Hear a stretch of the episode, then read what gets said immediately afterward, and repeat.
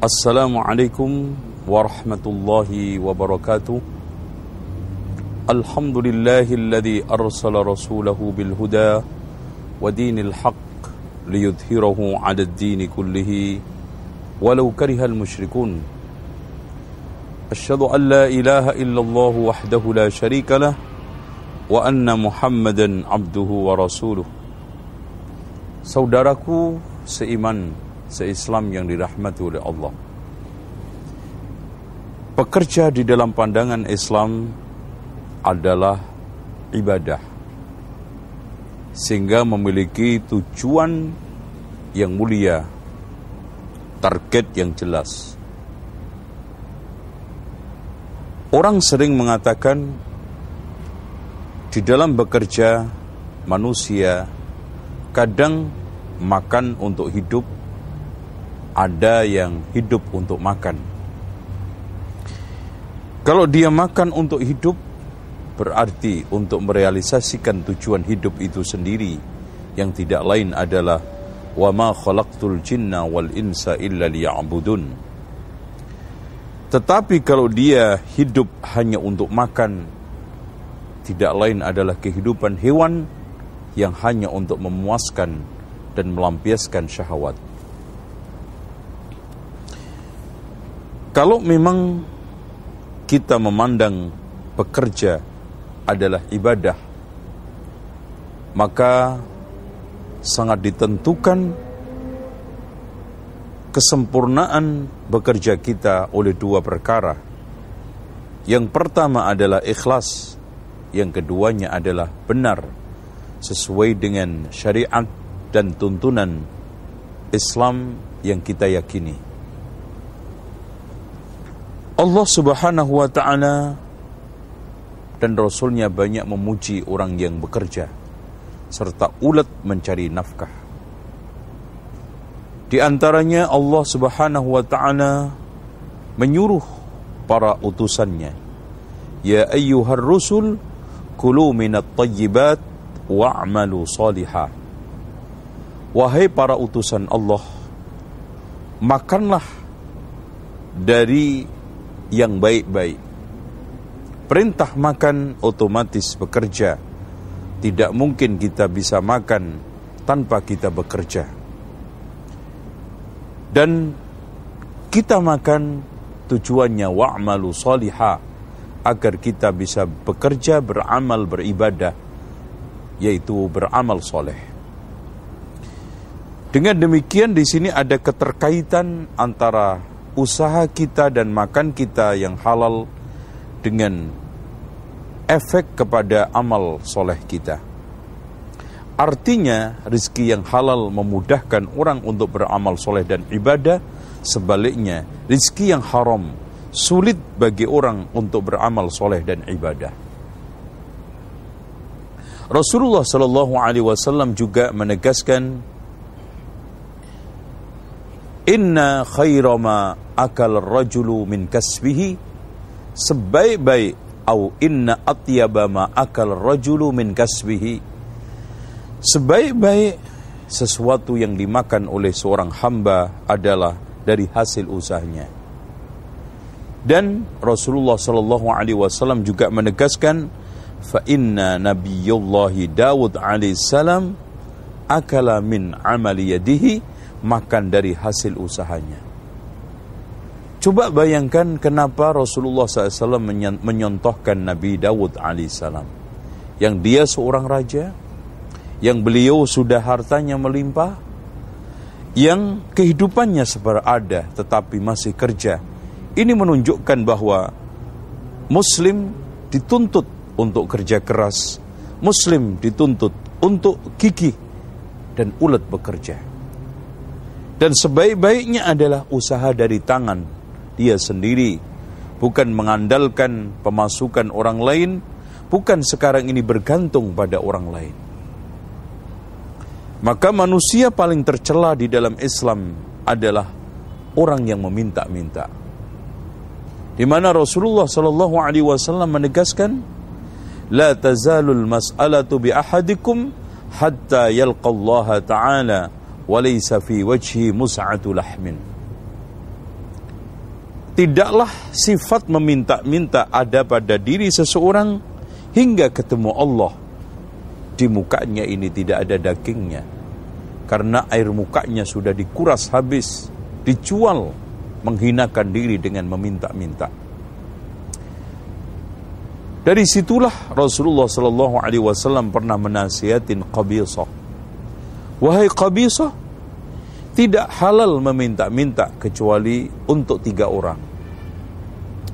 Yang pertama, orang yang menanggung derita orang lain, entah karena mendamaikan, atau mungkin ada orang yang sedang kena musibah, dia tanggung, atau membayari utang-utang orang lain, atau menjamin kehidupannya yatim piatu dan fakir miskin, kemudian bangkrut, jatuh miskin, maka halal dia mendapatkan bantuan sumbangan sampai dia cukup kemudian berhenti. Kemudian yang ke keduanya orang yang jatuh bangkrut dari usahanya menghabisi semua hartanya maka dia dibolehkan untuk meminta-minta sampai dia cukup dan mendapatkan kecukupan. Kemudian yang ketiga dia jatuh miskin. Kemudian disaksikan tiga tokoh masyarakat yang menunjukkan bahwa dia itu miskin, maka pada saat itu dihalalkan dibolehkan untuk uh, apa namanya menerima dan mendapatkan bantuan. Selain itu kata Rasulullah, wahai qabisah, itu adalah haram dan itu sukhut kotor dan hanya membuahkan kotoran. saudaraku seiman yang dirahmati oleh Allah. Seorang muslim tidak perlu memandang bentuk dan jenis pekerjaan, gengsi dan tidaknya suatu usaha. Tetapi yang dia pandang nomor satu adalah halalnya suatu usaha. Dan bersihnya suatu hasil dari usaha tersebut. Karena pada dasarnya harta yang haram seperti babi walaupun banyak lahirnya, walaupun nampaknya melimpah tetapi akhirnya tidak berkah.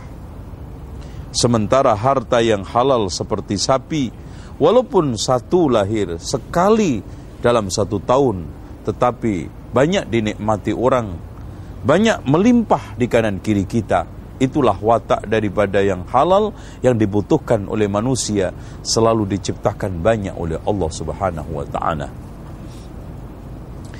Bagi seorang muslim yang sudah terpatri saat subuh setelah solat subuh dia berdoa Allahumma inna nas'aluka ilman nafi'a wa rizqan tayyiba wa amalan mutaqabbala ya Allah saya mohon kepadamu ilmu yang bermanfaat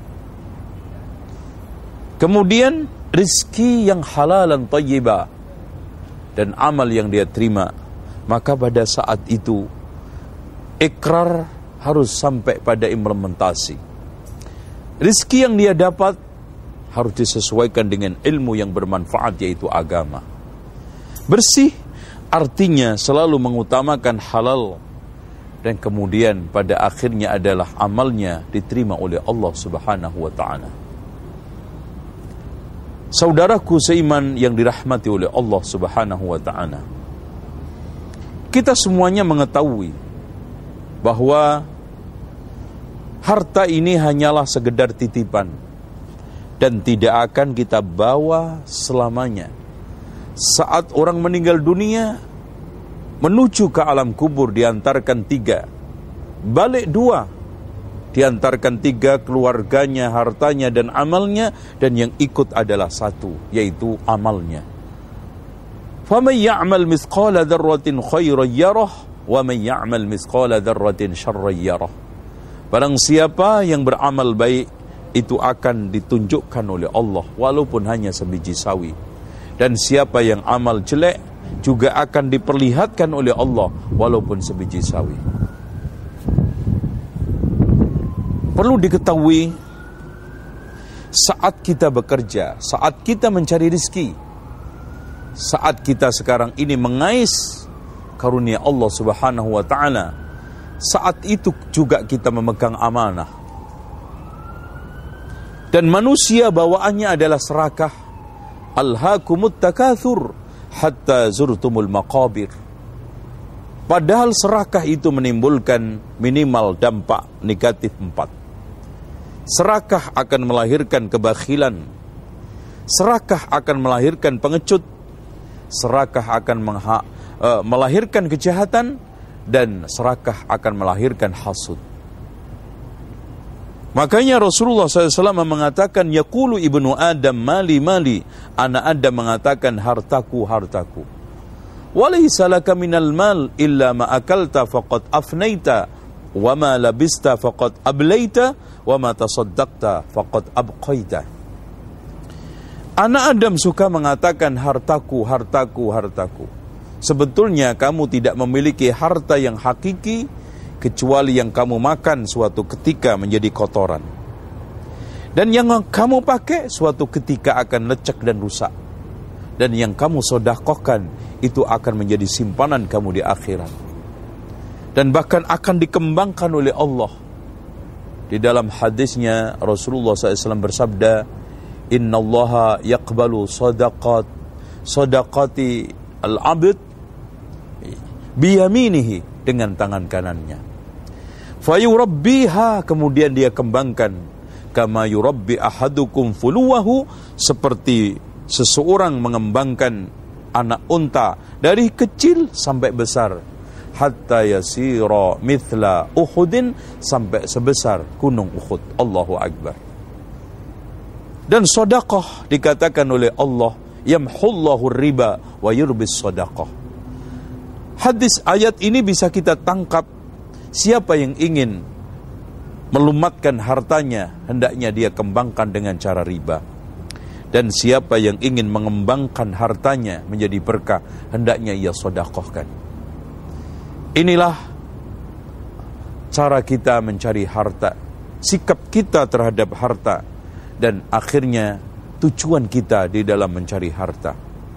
Semoga Allah Subhanahu wa taala berkahi langkah kita di dalam mengais rizki dan mudah-mudahan harta yang kita pegang, yang kita miliki bisa menjadi alat kita untuk mendekatkan diri kepada Allah bukan semakin menjauhkan diri kita dari Allah Subhanahu wa taala.